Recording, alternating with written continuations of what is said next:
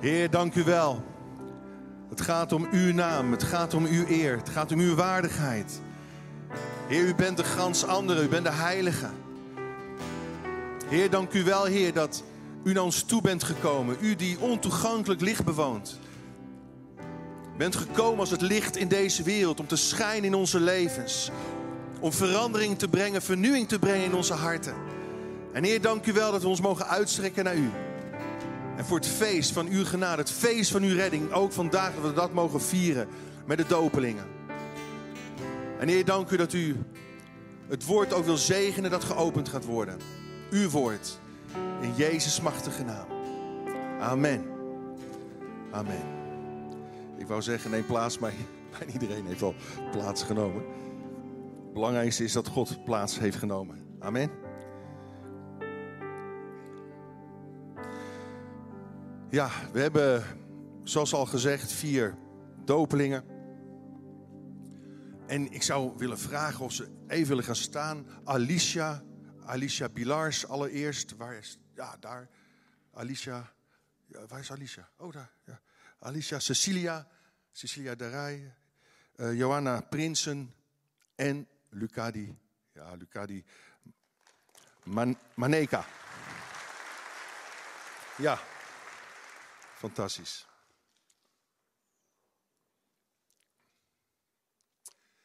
Het thema vandaag is hoe vind je kracht in een crisis? En misschien denk je, ja, wat heeft dat nou met de doop te maken? Maar goed, dat uh, zal ik op het eind onthullen. Maar een belangrijke vraag, hoe vind je kracht in een crisis? Hoe vind je kracht om door te gaan in moeilijke tijden of als het moeilijk is, als je tegenslag krijgt, als je weerstand krijgt of wat dan ook? En ik denk dat de doop heel belangrijk is voor een gelovig mens, omdat het een, een heel belangrijk merkteken is, een heel belangrijk eikpunt is. Het is een startpunt. Maar in elk mensenleven vindt er wel een crisis of een, een tragedie plaats. We zullen vroeg of laat met verlies te maken hebben, jong en oud. Het verlies misschien van een ouder of partner, een ontslag, een ziekte, een financiële of relationele crisis. En hoe ga je dan om met zulke verliezen?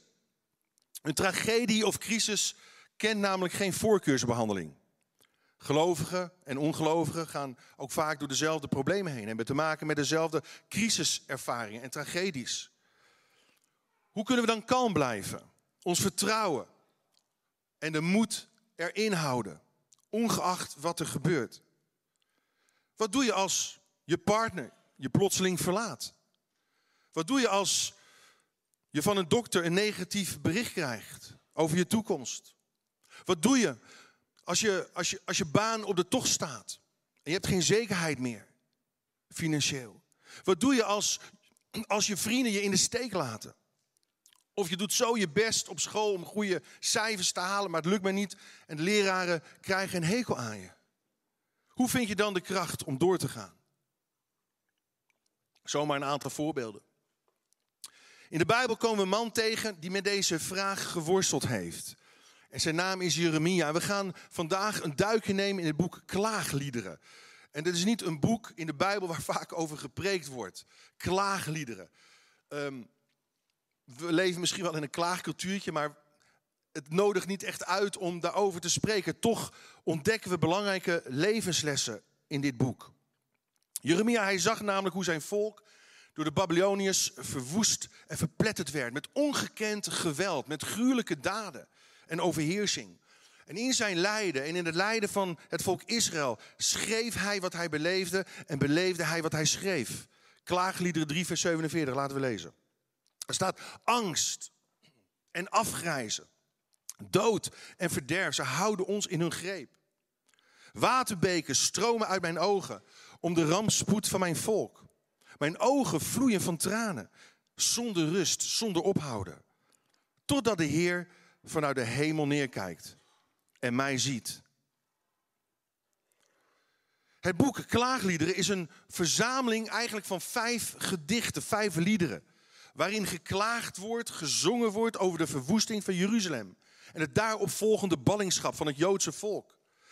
En het is best wel interessant om te weten dat vier van de vijf gedichten of liederen in het Hebreeuws een acrostigon vormen. Misschien denk je, een acrostigon, wat is dat nou weer? Ik zal het heel kort uitleggen, maar het is best interessant. Een acrostigon heeft hiermee te maken. De eerste letters van de versen beginnen steeds met de volgende letter van het Hebreeuwse alfabet. Dus vers 1 begint met de letter Alef, vers 2 met Beth, vers 3 met Gimel en vers 4 met Dalet enzovoort. Het vijfde gedicht, het vijfde hoofdstuk, is niet alfabetisch, maar hij wel 22 versen. Het bevat 22 versen naar de 22 letters van het Hebreeuwse alfabet. Oké, leuk. Maar wat wil je hier nu mee zeggen? Wat wil de schrijver hiermee zeggen? Want het is niet voor niets dat hij dit zo opschrijft. De schrijver, hij gebruikt het volledige Hebreeuwse alfabet om ten diepste, ten volle uitdrukking te geven aan het lijden van zijn volk. Het lijden van Israël. Om ten diepste te beschrijven, zo groot is het leed dat wij ondergaan. Het is bijna niet te dragen. Maar ook zijn eigen pijn en zijn eigen leed verwerkt hij hier, hiermee. Hoe kon men eigenlijk nog in God geloven? Als het land, het volk, was opgegeven door God blijkbaar. Maar het is heel bijzonder, want hij zegt ook aan, aan mijn pijn geef ik uitdrukking ten volle. Het is een klacht als het ware van A tot Z, oftewel van Alef tot Tav, de laatste letter in het Hebreeuwse alfabet. Israël, met andere woorden, verkeerde in een hele diepe geloofscrisis. En ze zagen geen uitkomst. Er was geen perspectief meer. Waarom niet? Het koningshuis van David. Het zichtbare teken van Gods zegen en belofte was in ballingschap gevoerd. De tempel van Jeruzalem, het middelpunt van Israëls godsdienst en verering van God, van Yahweh, was vernietigd. Hoe kan men dan nog geloven? Het probleem zat hierin. Ze hadden God verlaten en klaagden nu dat God hen had verlaten. En zo schrijft Jeremia in Klaagliederen 3, vers 39, lees u mee. Wat klaagt een mens zolang hij nog leeft? Laat hij klagen over zijn zonde, zijn misstappen. De, de, de, al die keren dat hij of zij zijn doel gemist heeft. Niet geleefd, gewandeld heeft met God. God misschien heeft losgelaten. Laten we ons leven onderzoeken en doorforsen. Laten we terugkeren naar de Heer, ons bekeren. Laten we met onze handen ook ons hart opheffen tot God in de hemel. Want, zegt hij, wij hebben gezondigd. Wij zijn opstandig geweest. En natuurlijk, er kunnen pijnlijke situaties, tragedies zijn waar je nog part, nog deel aan hebt in je leven. Maar Jeremia, hij legt hier wel de vinger op de zere plek. Laat een mens klagen over zijn zonde en terugkeren naar God. Wij hebben gezondigd. Wij zijn opstandig geweest. En in de spanning tussen de crisis van een heel volk en de prille hoop op een betere toekomst probeert Jeremia door middel van de klaagliederen weg te gaan van rouwverwerking, van, van innerlijke herstel en genezing. Maar hoe vond Jeremia en hoe kunnen wij de kracht vinden om door te gaan?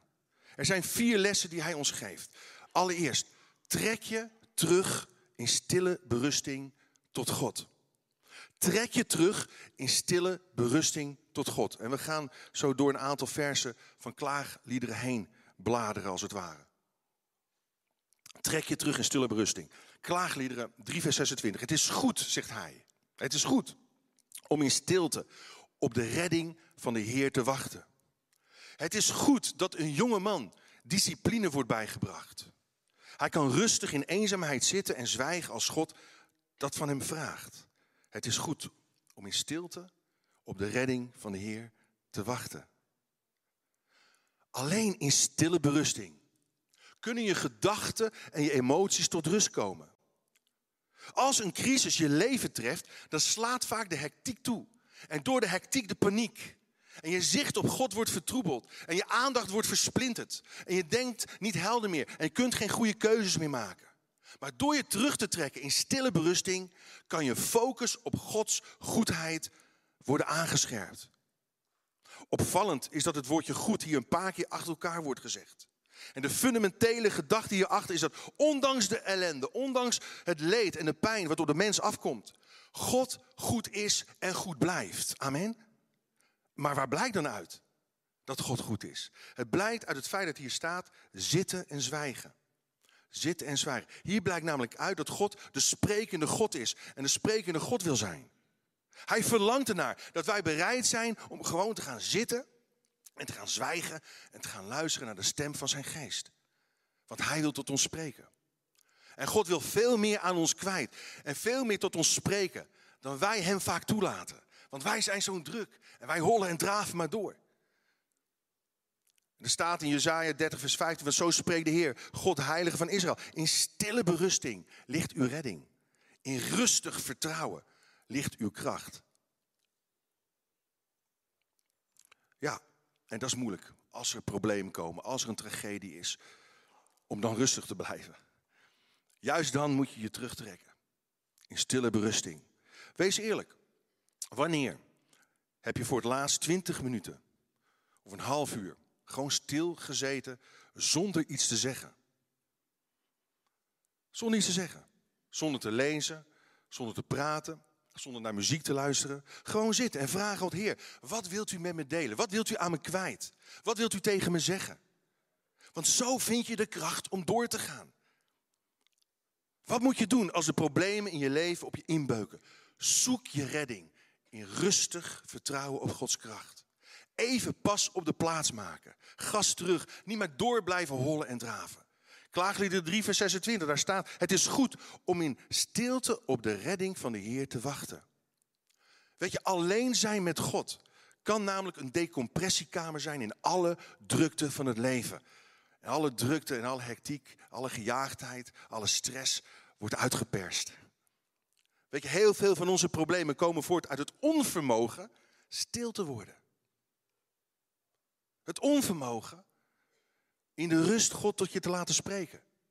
De meeste mensen kunnen nog geen drie minuten in de auto zitten zonder de radio aan te zetten. Trek je terug in stille berusting. Ten tweede, vraag aan God om je te verlossen van je angsten. Om je te verlossen van je angsten. Wij mensen weten allemaal wat het is. Om door angsten opgejaagd te worden. Om door angsten verlamd te worden, benauwd te worden, beklemd te worden. Maar er staat in Klaagliederen 3 vers 55 dit. Uit de diepte van de put roep ik uw naam, Heer. U hoort mijn stem. Sluit uw oor niet voor mijn zuchten en mijn hulproep. Altijd als ik roep, bent u nabij. En u zegt mij, wees niet bang. U, Heer, neemt het voor mij op. U redt mijn leven. Wat een tekst. In een crisis gaan er allerlei verschillende emoties door ons heen. Gevoelens van verdriet, verbijstering, verwarring. Maar de meest dodelijke emotie is de emotie angst. Verdriet of verwarring doet je nog niet verlammen. Frustratie en woede ook niet. Maar angst doet je verlammen. Vrees of angst kan een schadelijke emotie zijn die de controle neemt over je geloof, over je gedachten en over je gedrag. Weet je dat uit onderzoek blijkt dat van al het angstige pieker van mensen er maar 4% uitkomt? Dus 96% van onze angstige bezorgdheid komt nooit uit. Belast de dag, de dag van vandaag dus niet dubbel. Elke dag heeft genoeg aan zijn eigen kwaad. Weet je, heel veel mensen doen dingen die ze eigenlijk niet willen doen uit angst er niet meer bij te horen. Herken je dat? Misschien op school, misschien op je werk, met je collega's. Uit angst afgewezen te worden. Gaan veel meisjes toch maar met die jongen naar bed. Want ze willen erbij horen. Uit angst niet bij de groep te horen. Gaan veel jongeren toch maar blowen. De angst om eruit te liggen is gigantisch. Richard Vaste, hij zei het volgende. We kopen en doen dingen die we niet willen om indruk te maken op mensen die we niet mogen. Een beetje dom. Angst. Weet je, David was niet iemand die geen angsten kende, maar David was een moedig man. Toch had hij wel zijn angsten. Onthoud dat moed niet bestaat uit de afwezigheid van angst. Moed is toch doorgaan en gaan terwijl je bang bent. En weet je, het prijzen van Gods weldaden, het opzien naar God, heeft om die reden een verlossende uitwerking. Zo zei David in Psalm 34, vers 3, lees mee. Prijs de Heer, wat we ook hebben gedaan en wat we straks nog met elkaar gaan doen. Prijs de Heer, tezamen met mij. Laat ons zijn naam verheerlijken. Oh, waardig in zijn naam. Toen ik de Heer zocht, gaf hij antwoord. Van al mijn angsten heeft hij mij verlost. Wie naar hem opzien, stralen van geluk. Wie naar hem opzien. Dan ten derde. Wat moet je doen? In moeilijke tijden, in problemen, in tragedies, crisis, situaties. Hoop op Gods herstellende mogelijkheden. Hoop op Gods herstellende mogelijkheden. Verwacht. Hoop. Vertrouw, geloof dat God een ommekeer kan bewerken in je leven. Dat is wat Jeremia deed. God kan het negatieve ombuigen tot het positieve. Juist toen alle hoop vervlogen was, bad Jeremia een gebed van hoop, van verwachting, van geloof. God is gespecialiseerd in het bewerken van een nieuw begin. Hij maakt alle dingen nieuw. Hij is een expert in het herstellen van gebroken harten. Klaagliederen 5 vers 21, hij zegt dit. Bewerk in ons hart een ommekeer en breng ons weer bij u terug. Dat is onze enige hoop. Weer terug naar de bron. Geef ons onze vroegere vreugde weer terug. Herstel de blijdschap over uw redding, zei David. Weet je, waar de hoop op God zijn intrek neemt, verandert de afbraak in ons leven. In opbouw. En wordt verlies omgezet in winst. Wie in God gelooft en vertrouwt, ziet verder dan de horizon van deze wereld. Er zijn heel veel mensen die, die bidden of de bergen in hun leven mogen worden verwijderd. Terwijl ze eigenlijk de moed nodig hebben om ze te beklimmen. Psalm 27, vers 13. Wie zou ik zijn als ik er niet op had vertrouwd de goedheid van de Heer te genieten in dit land van de levenden? Want in vertrouwen op de Heer, wacht in vertrouwen op de Heer met een dapper, standvastig gemoed. Laten we even kijken wat je niet moet doen in een crisis. Een paar dingen die je niet moet doen. Dat is allereerst, verdring je verdriet niet. Verdring je verdriet niet. Geef uiting aan de gevoelens die je hebt. Stort ze uit. God heeft verdriet ontworpen om ons te helpen over dingen heen te komen. Weet je, we raken de pijn kwijt door ook te rouwen. Door ook een moment in die zin van klagen te hebben. Zodat we weer verder kunnen gaan met ons leven. Het hart van het volk, zegt Jeremia. Lees mee. Het hart van het volk schreeuwt tot de Heer. Laat je tranen stromen als een rivier. Weeklaag in de nacht. Jammer tot aan de ochtend. Stoort je hart uit als water. Vind ik zo'n mooie tekst. Zo mooi gezegd. Stoort je hart uit als water. Als water stroomt. Ten overstaan van de Heer. Weet je dat er in die tijd zelfs vrouwen aangesteld waren die beroepsmatig werden ingehuurd om te klagen? Om te klagen over de zonde, over de klagen, over het lijden in de wereld. En, en het klaagritueel kanaliseert als het ware het verdriet. En daardoor kan de getroffen het verlies beter verwerken. En onze tranen worden godstranen. Weet je, en pijn zoekt altijd een uitlaatklep. Daarom is het goed om je tranen te laten stromen. Het uiten van verdriet neemt dus in de Bijbel een belangrijke plaats in. Naast ook de vreugde. Maar stoort je hart uit. Ontken het niet. Bouw geen ondoordringbare muur om je heen. Hoe vaak heb ik mensen niet horen zeggen: Dit zal me niet nog een keer gebeuren. Geen mens die ik nog in mijn hart toelaat. Foute boel. Leg geen prikkeldraad om je heen, zodat niemand meer bij je kan komen, tot je hart kan komen, bij je in de buurt kan komen. Je hebt gezonde relaties nodig. Volgende maand gaan we een hele serie doen over gezonde relaties. Luister, Beethoven, hij zei het volgende. De kruisen in het leven van de mens zijn als de kruisen in de muziek. Ze verhogen. De kruisen. En we hebben allemaal een kruis te dragen, maar in het leven van de mens zijn net als de kruisen in de muziek. Ze verhogen. Waarom? Ze verhogen omdat ze een mensenleven verdiepen. Het lijden kan ons helpen onze wortels, wortels dieper in het rijk van Gods genade te laten slaan. Dus ontken het niet. Ontken je vriendin niet. Ten tweede, verbitter jezelf niet. We ontkomen er niet aan om, om beschadigingen op te lopen in het leven. Maar de verbittering in ons leven laat toe dat onze wond open blijft en niet genezen wordt.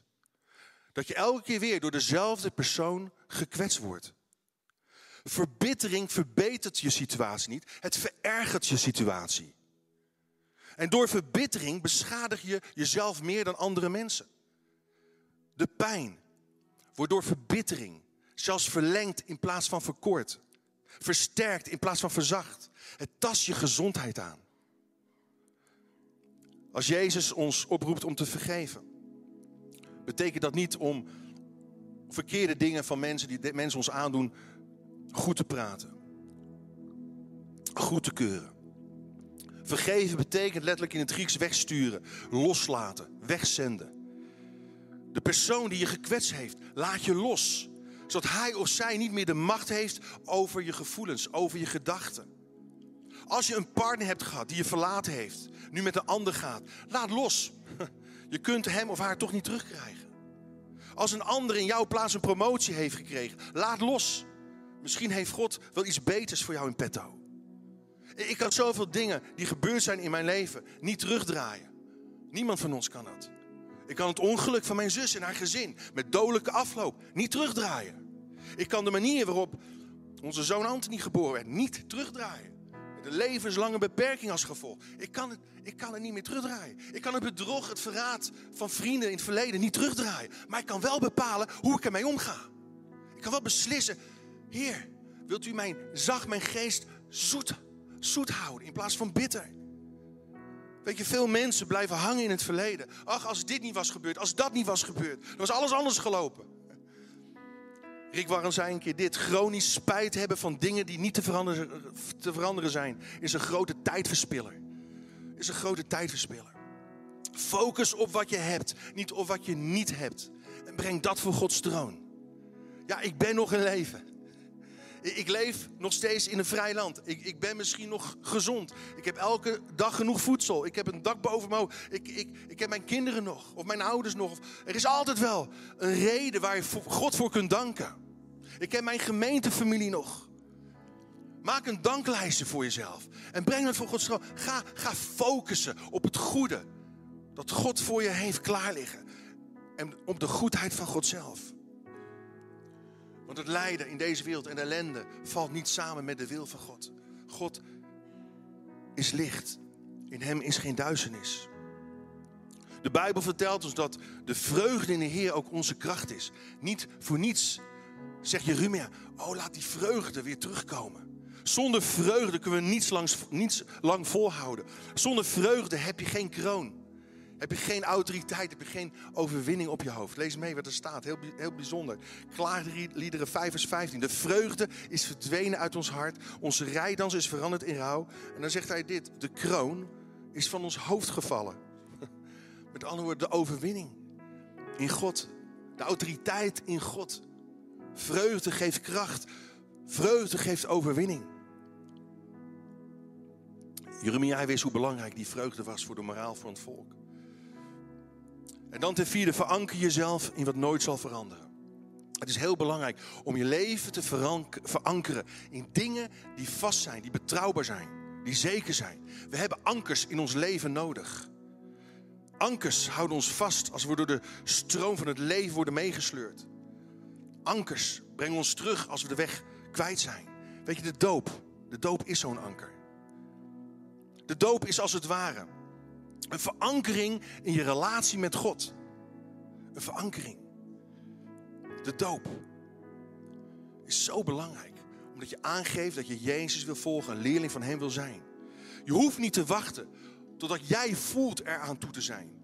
Of heilig genoeg te zijn. Want dat ben je zonder Jezus toch niet. Als jij weet dat Jezus je redder is en je wilt niet van Hem afdrijven. Dan is de doop zo'n anker die je kan vasthouden. In verleidingen, in beproevingen. Door de doop veranker je jezelf in Christus. De doop is als het ware een stempel die op een eigendomsakte gedrukt wordt. Je bekleed je met Christus. Je bent verankerd in de doop. De zekerheid dat je eeuwig leven hebt en vergeven bent van al je zonden. Paulus, hij zei dit: We zijn door de doop in zijn dood met hem begraven. Om zoals Christus door de macht van de Vader uit de dood is opgewekt, een nieuw leven te leiden. En als wij delen in zijn dood, zullen wij ook delen in zijn opstanding. Veranker je in wat blijvend is. Hij is degene die regeert. Er staat in Klaagliederen 5 vers 17, ziek en zwak is ons hart. Vertroebeld zijn onze ogen. U Heer troont voor eeuwig. Van een generatie op generatie blijft uw troon. U Heer troont voor eeuwig. Veranker je in het feit dus ten eerste dat God in controle is. Wij hebben geen controle over de geschiedenis, over de economie, over de politieke ontwikkelingen op wereld. Wij kunnen geen controle daarop uitoefenen. We hebben niet eens controle over ons eigen leven, wanneer we geboren worden, wanneer we gaan sterven. Het enige waar we controle over hebben is opnieuw onze houding, ons gedrag, hoe we reageren op bepaalde situaties. God is degene die regeert.